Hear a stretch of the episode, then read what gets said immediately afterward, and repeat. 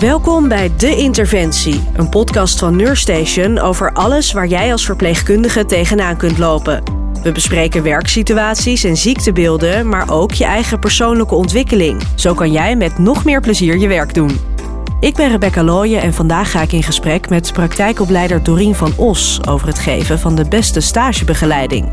Deze aflevering wordt mede mogelijk gemaakt door Brede Rode Hogeschool. Welkom Dorien. Uh, jij hebt als uh, praktijkopleider uh, dus best wel veel ervaring opgedaan met het begeleiden van studenten. Waarom vind jij het zo belangrijk om je daarmee bezig te houden? De studenten zijn onze collega's van de toekomst. Dus daarom vind ik het belangrijk om mijn inzichten te delen met hen en te kijken of ik ze wat mee kan geven. Ik werd in 2007 gevraagd door een collega, die was praktijkopleider en ze stopte ermee. En zij zei, Dorien, dat is wel wat voor jou. Toen dacht ik, ja hoor, dat is wel wat voor mij. Uh, niet dus. Maar toen ben ik me erin gaan verdiepen. En toen ben ik de opleiding uh, praktijkopleider gaan doen. En toen ja, bleek dat ik het hartstikke leuk vond. Ik was altijd heel stil en rustig. Voor de opleiding zat ik onder de tafel met vergaderingen. En mijn leerdoel was om te kunnen praten voor groepen. En na de opleiding stond ik uh, op de tafel. Wauw, dus, groot verschil. Ja, echt heel veel geleerd en ook heel veel inzicht gekregen in uh, nou ja, studentenbegeleiding. Ja, nou laten we dan uh, even de praktijk induiken. Als jij studenten zelf begeleidt, hoe pak jij dat dan aan? Nou, ik kijk voornamelijk echt naar de, naar de student zelf. Iedereen heeft zijn eigen manier van leren. De een duikt eerst liever de boeken in en de ander die leert liever in de praktijk. Dus ik kijk eerst even wie is die student qua persoonlijkheid. Want niet iedereen uh, is natuurlijk hetzelfde. Nee, gelukkig niet. Nee. En als ik dan een voorbeeld mag geven, bijvoorbeeld mm -hmm. uh, als een student uh, gaat leren infuus prikken. Kijk, ja. de een die kijkt de theorie naar, dat moet natuurlijk sowieso. En die kijkt twee keer mee en hup, die gaat het zelf doen. En een ander heeft het nodig om tien keer mee te kijken. Kijk, en als ik uh, iedereen gelijk zou behandelen, dan zou ik bij iedereen kunnen zeggen: na twee keer hup, ga het maar zelf doen. Maar ja, diegene die dan tien keer nodig heeft om mee te kijken, die voelt zich daar heel ongemakkelijk ja. bij, wordt onzeker. En dat betekent dus niet als iemand wat langer nodig heeft, dat iemand er gewoon minder geschikt voor is? Nee, zeker niet. Okay.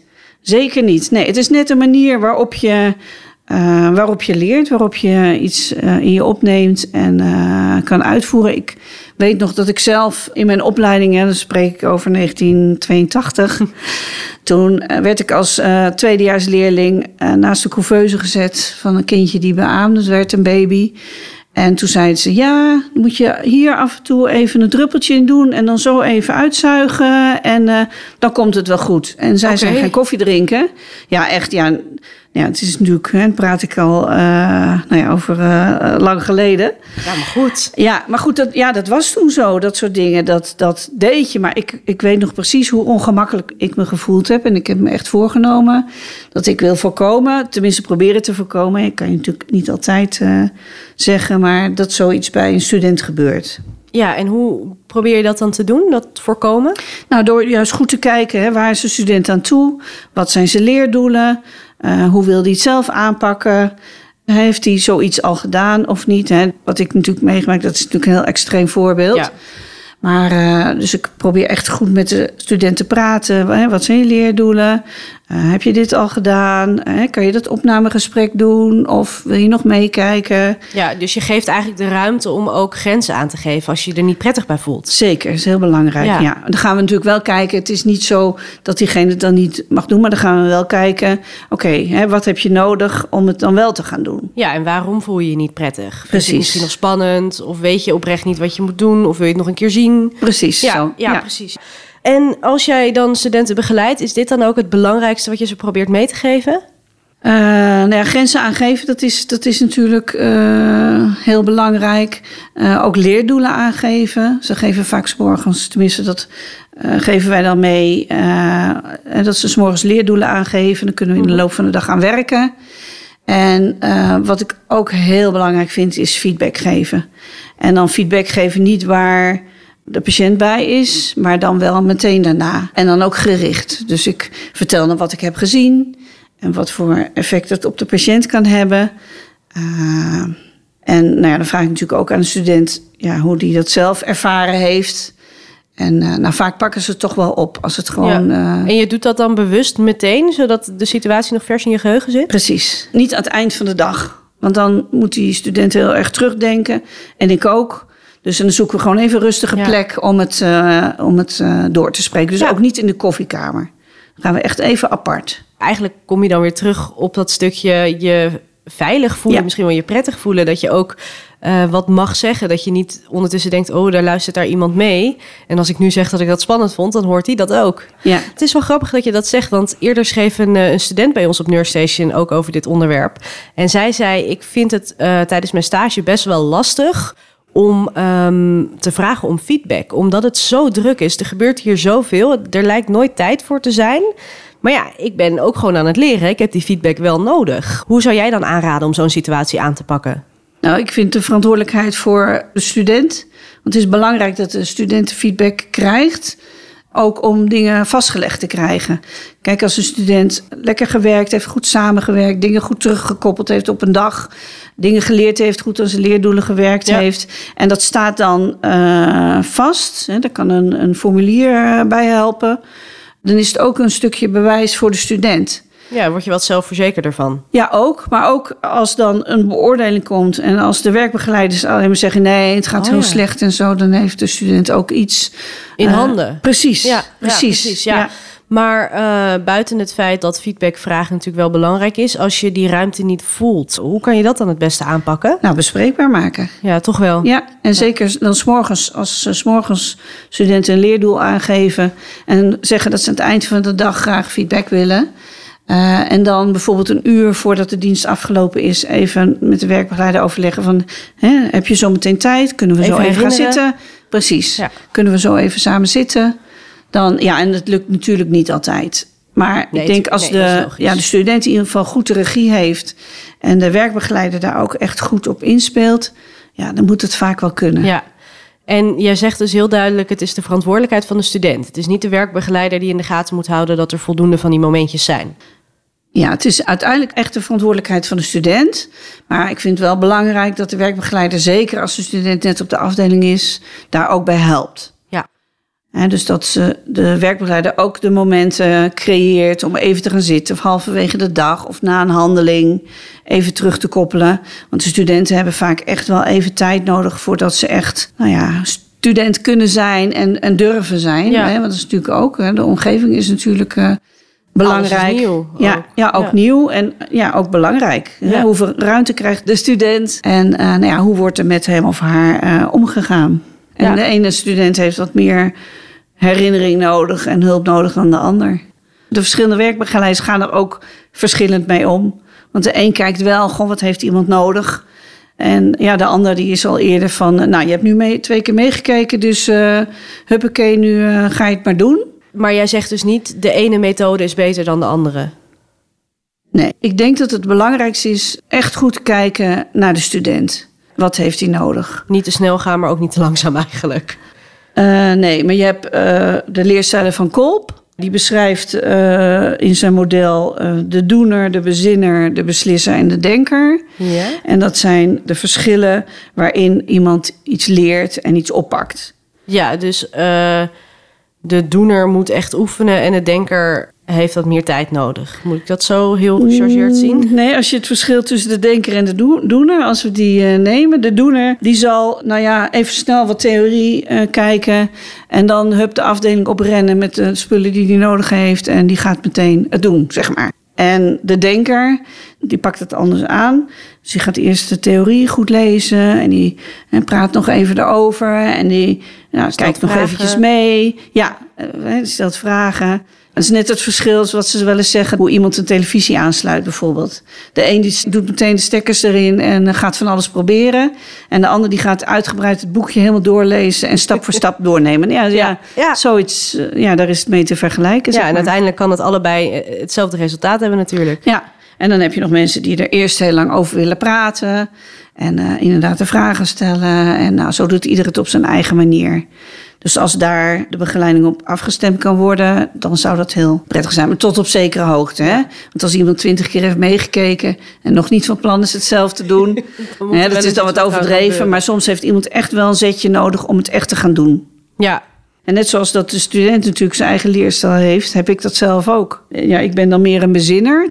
Dus ik vind het prettig om vaak in gesprek te gaan met de Ja. student. Maar toen had ik dus een keer, toen begeleid ik een student die het, dezelfde leerstijl had als ik. Nou, en dan gebeurt het dat je zo eigenlijk een half uur zit te praten en er eigenlijk. Ja, dan niet- blijf je maar praten. Precies, precies, ja. Dus Ja, ik heb ook geleerd natuurlijk hè, om een, een beetje een agenda te maken van... Nou, hè, we gaan zus en zo gaan we het doen. Nu gaan we het hierover hebben, nu gaan we het hier... en dan gaan we, nou ja, zo. Dus het is ook afhankelijk van wat de leerstijl van de werkbegeleider is. Ja, of dat een beetje op elkaar aansluit. Ja, of juist helemaal tegenpolen zijn. Dat Mhm. is ook interessant. Want Interessant. nou ja, interessant. Ja, want als je zelf iemand bent die vaak meekijkt voor die iets eh, nieuws leert. En Ja. je hebt een student die rent de afdeling op met zijn bakje met zijn infuuspullen. En, en nadat hij twee keer heeft meegekeken en de theorie kent en die wil dat meteen gaan doen. Dan kan die werkbegeleider ook iets hebben van: oh help, eh, wacht. eh, maar dat Is kan toch wel niet verstandig? Ja. Ja. Die student die moet er natuurlijk wel aan toe zijn. Maar natuurlijk kan die dat gewoon doen. Maar ook dan is het aan de werkbegeleider om te denken... oké, de student wil het graag zo doen. En het mag zo, dus hup, doe maar. Ja. Ja, geef ook dan dat stukje zelfvertrouwen weer terug. ja precies. Ja. Ja. Ja. en dat de werkbegeleider integer is. En niet oordelen, want je weet soms niet wat er achter zit. Maar nou, ga in gesprek Hoe bedoel met je de dat? student. Nou, dat je niet oordeelt of eh, roddelt over eh, eh, studenten van nou en die deed dit of dat of het roddelen. Maar ga met die studenten in gesprek en niet met je collega's. Je zegt je weet soms niet hoe het zit. Zijn er voorbeelden waarin jij dat ervaren hebt? Nou, ik heb een student gehad, die, een jonge dame. Die kwam eh, met hoge hakken de afdeling, nou niet de afdeling op, maar die ging ze natuurlijk omkleden en deze de werkkleding aan. En ehm, het was een hele eh, vrolijke meid. En ze leek heel zorgeloos. En eh, dus collega's noemden er ook een losbol. Oh. Nou ja, niet echt naar haar, maar wel dan onderling. Ja. En ehm, eh, toen bleek dat zij haar moeder kort geleden verloren had. En eh, ja, dat ze eh, afgesproken had dat ze met een vriend zou gaan samenwonen. En eh, nou, ze heeft echt een hele moeilijke eh, tijd achter de rug. En ze had ook heel goed inzicht in de patiënt. Ja. Ja, alleen collega's wisten die achtergrond niet, dat wist ik wel. En dan hoorde ik ze wel praten en dan dacht ik, jongens, hou eens even op, want je, je weet niet. En sowieso is het natuurlijk niet goed om over de patiënt te spreken. Maar spreek dan liever met de patiënt. Student. dat geldt natuurlijk, eh, student, sorry. Ja, Ja, geldt ook voor patiënten natuurlijk. Geldt ook voor patiënten, nee, maar maar voor de student. ja. Ja, en eh, ja, jij- oordeel niet. Maar jij kan dan niet op zo'n moment zelf even vertellen... hé hey jongens, het zit heel anders. Want dat is Eh, privacygevoelig, denk ik dan. Ja, ja, zeker. Ja, want het is mij in vertrouwen verteld. Maar ik vraag me ook af of het nodig is. Als er veel over een ander gesproken wordt, sowieso, dan eh, zeg ik daar wel wat van. En nou ja, in dit geval heb ik het gewoon maar gelaten. Die student heeft een, een prima beoordeling gehad. En dan denk ik, het is oké. Dan denk ik, laat ze maar denken wat ze, wat ze willen denken. Ja, en zolang zij daar dan zelf geen last van ondervindt. Nee, precies. Ja. Nee, nee, nee, nee, nee. Hoe gaat het eigenlijk ehm, met het niveau van nieuwe verpleegkundigen? Jij ziet natuurlijk heel veel nieuwe mensen verschijnen. Merk je daar door de jaren heen een verschil in? Ja, eigenlijk wel. Ehm, ik ben een tijd lang ben ik eh, simulatiepatiënt geweest eh, bij de studenten. Oh. Dan krijg je een opdracht, bijvoorbeeld speel een patiënt die net geopereerd is en die in de tillift eh, naar de wastafel gebracht moet worden. Moet je dan ook echt gaan liggen? Ja, moet je echt. ja, het ligt er een beetje aan, want er zijn ook toetsen. En dan lig je dus echt in bed. En dan moeten ze dat dus echt Uitvoeren. doen. Ja, dus dan lig je gewoon met je pyjama of eh, in bed met je sloffen daarnaast. En eh, dus dan moeten ze het ook echt doen. En, eh, maar je hebt ook dat je bijvoorbeeld in het lokaal komt, in de klas komt. En dan is het wat kleiner. Dan Oh ja. kan het nog zijn dat je een patiënt bent die net gevallen zeggen zijn been heeft gebroken. Mhm. En dan zijn het communicatievaardigheden, lessen. En dan moet de patiënt dus met jou in gesprek. Dus ik speel dan rollenspel eigenlijk. En eh, ja, dat vind ik heel leuk om te doen. Want dat zijn eerstejaars studenten. En dan kun je echt al zien... Hè, goh, de een gaat echt met me in gesprek... en de ander vindt het heel spannend. En dan ja, moet ik me iets anders opstellen... om het, wat meer, eh, het gesprek wat meer open te maken... of iets meer... Ja, Eh, verander jij je dan ook in je rol? ja, zeker. Terwijl een normale patiënt dat niet zou doen. Nee, nee, maar dit zijn echt lessen om te leren communiceren. Ja, En eh, dan vind ik het belangrijk dat ze ook daar dan een succeservaring hebben. Dat Ja, ze dan dat toch te weten zijn gekomen wat ze zouden moeten weten. Of ja, en eh, ja, je ziet gewoon als ze het gedaan hebben, zijn ze opgelucht. Want de meesten vinden het vreselijk. En soms mochten ze het ook wel met z'n tweeën doen. Weet je, het gesprek aangaan. Dan konden ze om de beurt vragen stellen. Als ze dan iets te weten moesten komen van mij of zo. Want dat kan natuurlijk ook. Maar dat vond ik erg leuk om te doen. Ja, en zie je dan door de jaren heen verschil in niveau of in manier van aanpak of gedrag van nieuwe lichting verpleegkundigen? Nou, ik denk dat dit soort lessen. eh, ja, ik weet niet hoe lang die lessen er al zijn. Maar ik weet wel dat ze. Nou, in mijn tijd. Het klinkt natuurlijk weer heel erg. Maar en dat was er niet. Nee. Je werd gewoon losgelaten op de afdeling en doe het maar. Ja, dus die opleidingen die veranderen heel erg. En ik zie dat wel terug eh, in de studenten. Ja? En dat ze wat mondiger zijn, wat meer durven. En ja, dus ik zie wel. eh in positieve Dat vind ik leuk, ja zeker. Ja. ja.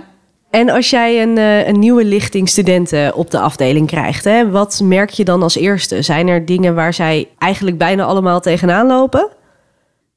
Nou, het eerste wat ik zie is dat iedereen eigenlijk anders reageert. Wel of niet hè, voorstellen aan iedereen. Meestal doen ze het wel, maar ja, ze hebben dan zoveel nieuwe gezichten. En ja, na één dag, dan vergeet ze dat meestal weer. Is dat erg? Je blijft je ook niet voorstellen, toch? Nee, maar sommigen die hebben echt precies in de gaten... hé, hey, jou heb ik nog niet gezien. En dat, dat vind ik leuk om te zien. Kijk, natuurlijk Ja. kan het gebeuren dat ze dan eh, iemand missen. Maar wat ik ook vooral zie... is dat de een van nature het vak al in zich heeft. Oké. Eh, Hoe bedoel je? Nou, dat zie je niet, niet na één dag, maar dat zie je wel al, al vrij snel. En dat kun je eh, bijvoorbeeld zien aan de vertaling van de theorie naar de praktijk.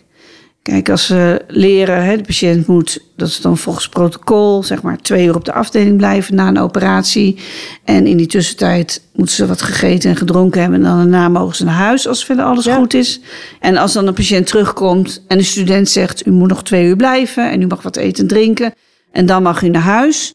Dan, ja, die patiënt is dan natuurlijk en net terug van de operatie. Precies, dus het is moeilijk te war, bevatten. ja. Ja, maar dan is het belangrijk dat de student bijvoorbeeld zegt... nou, het is nu twee uur. Eh, vanaf vier uur mag u naar huis. En u mag over een kwartiertje bellen voor wat eten en drinken. Dan kijken we hoe het gaat. Zo, die vertaling is belangrijk. Want je kan wel het kunstje leren, zeg maar. Het dus de praktijk, ja. ja. het protocol. Hè, of eh, wat je in eh, theorie geleerd hebt. Maar je moet het ook echt goed kunnen vertalen. Natuurlijk moet je alles goed kunnen uitvoeren. Ja. Maar hoe je dat met de patiënt bespreekt, hè, de communicatie met Ja. de patiënt, dat is heel belangrijk. En dat is ook per patiënt weer anders natuurlijk. Je moet eigenlijk aanvoelen, eh, wat heeft iemand nodig? Wat begrijpt iemand? Vindt iemand het nog spannend? Of eh, gaat het eigenlijk allemaal wel prima? Ja, zeker. Maar dat, is, dat leer je ook door ervaring. Dus je kan Tuurlijk. het ook niet Nee, dat, dat kan je meteen niet verwachten. Nee. nee, nee, nee. En ook als er een taalbarrière is, en dan vind ik het ook belangrijk ja, om met die student daarover te praten. Van hoe, hoe kan je dat nou aanpakken? Hè? Of als die student een patiënt gaat opnemen, het opnamegesprek gaat doen, dan bespreek ik vaak van tevoren even: oké, hoe ga je dat nou aanpakken met deze patiënt? Dan even wat handvaten meegeven. Ja, vaak kunnen ze het zelf al bedenken. Kijk, als er een begeleider bij is, als de patiënt zelf helemaal geen Nederlands spreekt en de begeleider wel, dan zou je dat gesprek met de begeleider kunnen voeren. Maar wat ik dan belangrijk vind, is dat ik me richt tegen de patiënt en dat ik zeg: Vindt u het goed dat ik het gesprek met de begeleider voer? En dat de begeleider dan steeds Ja. vertaalt. Dus ik vraag dat eerst. Ja, dat iemand zich niet volledig buitenspel gezet voelt. Precies. En ook begrijpt waarom ik dat dan zo doe. Ja, en je zei dat je eigenlijk al vrij snel kan zien wie het echt in zich heeft. Wie ehm, het makkelijker aanvoelt, laten we het zo zeggen. Hoe zie je dat dan? Kijk, dat je kan zien of iemand het meer inzicht heeft dan een ander, of beter is dan een ander. Of, kijk, dat is heel wisselend. Want de een is juist heel goed in de, in de theorie, en de andere is juist veel beter in de praktijk. En die heeft juist eh, minder met de theorie. Dus het is niet eh, goed of slecht, maar het is wel, ik vind het altijd wel leuk om te zien als een student komt en al snel een, een gesprek kan voeren met de patiënt. En eh, belangstelling heeft voor de patiënt. Maar dat zegt dan niet dat hij beter is eh, dan een ander, maar het is gewoon anders. Ja. Zijn er nog tips die jij mee wil geven aan nieuwe studenten? Als je nou voor het eerst stage gaat lopen, wat moet je dan vooral wel doen, wat niet? Wat ik uh, belangrijk vind voor een stagiair is dat de stagiair een uh, actieve leerhouding heeft. Dus niet achterover gaat zitten om te kijken wat er allemaal voorbij komt. Kijk, in de eerste dagen hè, is het natuurlijk. Nieuwe omgeving, Precies. nieuwe mensen, logisch. Precies. Ja. ja. Maar inderdaad daarna dat hij echt goed aangeeft, nou, leerdoelen aangeeft, om feedback vragen, uh, vragen stelt. Echt proactief is. Precies. Ja. Dat is heel belangrijk. En de verantwoordelijkheid nemen voor het leerproces. Dus zelf komt met dingen. Kijk, wij kunnen niet achter de studenten aan blijven lopen. Natuurlijk kunnen we wel een keer zeggen van... hé, hey, had je niet al een verslag klaar moeten hebben of een opdracht? Hè, of wat zijn je opdrachten? Maar het is echt belangrijk dat die studenten ook zelf komen met hun opdrachten. Ja, Van dit moet ik nog doen. Uh, wij kunnen natuurlijk ook helpen als ze een onderwerp zoeken voor een presentatie mhm. of iets wat ze, waar ze een onderzoekje moeten doen. Dan kunnen wij natuurlijk helpen. Ja, maar straks moet je natuurlijk ook gewoon de verantwoordelijkheid dragen voor bepaalde patiënten, bepaalde taken. En ja, als je die dan uit het oog verliest, dat is natuurlijk wel belangrijk om eigenlijk ook te leren. Ja, zeker. Ja, ja, ja. Dus, maar dat heeft ook dan uh, met de leerdoelen te maken. Verder nog tips? Um, even denken. Nou, dat de student inzicht heeft in zijn competenties en zijn persoonlijke leerdoelen. dus waar moet ik aan werken? Wat kan ik al wel? Precies. En ook specifiek uh, feedback vragen. Kijk, als een student moeite heeft met communiceren met de patiënt bijvoorbeeld. Of mm -hmm. met opnamegesprek. En dat kunnen ook hele kleine dingetjes doen. De voorbereiding voor een operatie. En hoe vertel ik wat de patiënt allemaal mee gaat maken als hij naar de operatiekamer gaat. Dan is het belangrijk dat hij dat ook uh, als hij denkt, nou dat heb ik echt nog niet uh, in de vingers. Hè, vraag hulp. Hè, vraag of iemand uh, nog een keertje mee wil kijken. Dus hulp vragen is niet erg? Nee, zeker nee. niet. Zeker niet. Nee, nee, dat we dat even ja. de wereld uit helpen. Ja, nee, zeker niet. Nee, goed aangeven, ja. dat is belangrijk en hulp vragen. Ik heb liever iets dat de student drie keer iets aan me vraagt, dan dat hij uh, niks vraagt en iets doet waar hij onzeker over is en dan, en dan misschien een fout, fout maakt. Ja. Ja, ja, ja, en dat kan natuurlijk ook uh, gevaarlijk zijn ja, met medicijnen of met. Uh, ja, wat dat betreft is dit natuurlijk wel een, een, een vakgebied waarin je gewoon wat voorzichtiger moet zijn. Ja, en fouten maken, je hoeft niet alles in één keer goed te doen. Maar het is hè, met medicijnen of met infuussprikken of Dat is natuurlijk wel belangrijk dat, dat, eh, dat we daar met z'n allen zorgvuldig mee omgaan. Dus dat is echt wel belangrijk natuurlijk. En um, ja, het is ook belangrijk dat de student ook echt open staat voor feedback. Niet alleen vraagt van uh, hoe heb ik het gedaan vandaag, maar ook echt wil weten om ervan te kunnen leren. Echt luisteren. Ja, luisteren naar de feedback, maar ook uh, aangeven wat hij daar dan zelf van vindt, zeg maar. Ja, ze zeggen wel, feedback is een cadeautje. Nou, dat vind ik een beetje een dooddoener. Maar het is wel een heel goed uh, middel om mee te kunnen leren. Ja, maar je moet dus niet feedback vragen omdat je weet dat je het moet vragen. Nee. Maar omdat je echt ervan wil leren. Precies. En dat is niet makkelijk. Ik vind het ook. Ik vraag ook wel eens feedback. En als iemand tegen mij zegt: Nou, Doreen, dat had je best wel anders kunnen zeggen of vragen. Vind ik ook niet altijd makkelijk. Nee. Maar ik denk, dan denk ik, oké, dus zo kwam ik over.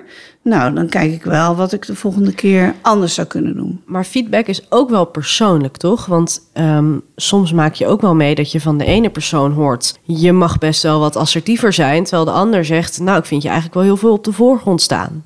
Dat kan heel, uh, heel verwarrend zijn. Natuurlijk. Ja, dat kan. Maar als diegene die dat dan zegt dan een voorbeeld erbij noemt. Want om zo te zeggen van ik vind dat je te veel op de voorgrond staat. Dat zou ik geen prettige feedback geven. Want dat zegt niet ik, zoveel.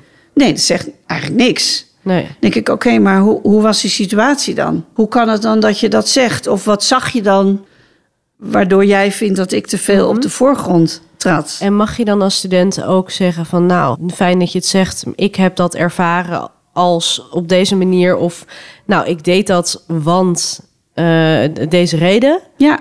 Precies, daar kan je met elkaar over in gesprek. Ja. En dan is het aan de student wat hij er dan, uh, wat hij er dan mee doet. Maar neem ik aan ook aan de werkbegeleider. Want die kan misschien ook een keer een, een argument terugkrijgen op waarom iemand zoiets heeft aangepakt. En dan niet alleen maar moeten denken van, nou ja, dit is mijn feedback en je moet het er maar mee doen. Nee, maar erover in gesprek gaan. Ja, dat is van twee kanten. Ja, ja. ja. Dan tot slot, als afsluiting stel ik eigenlijk altijd de vraag: wat zou jij vanuit jouw expertise mee willen geven aan andere zorgverleners? Het belangrijkste is dat je uh, de student ziet echt als individu. Iedereen is anders, ieder leert op zijn eigen manier. Ieder heeft uh, ja, wat anders nodig. Dus het is dus heel mooi als de werkbegeleiders daar goed naar kijken en daarop uh, aan kunnen sluiten. En nou ja, heb je het gevoel dat je dit leuk vindt om te gaan doen, dat je daar energie in wil steken. Ga het vooral doen, zou ik zeggen, want dat zijn wel onze collega's voor de toekomst. Mooi. Dank voor het delen van jouw kennis, Dorien. Je luisterde naar De Interventie, een podcast van Neurstation. Deze aflevering werd mede mogelijk gemaakt door Brede Rode Hogeschool. Wil je meer weten over stagebegeleiding of andere vakverhalen lezen? Kijk dan op neurstation.nl. Over twee weken zijn we er weer. Dan praat ik met Petra Vos over passie vinden in je werk en waarom dat zo belangrijk is. Vond je deze aflevering nou interessant? Laat dan vooral een review achter en deel hem met je collega's.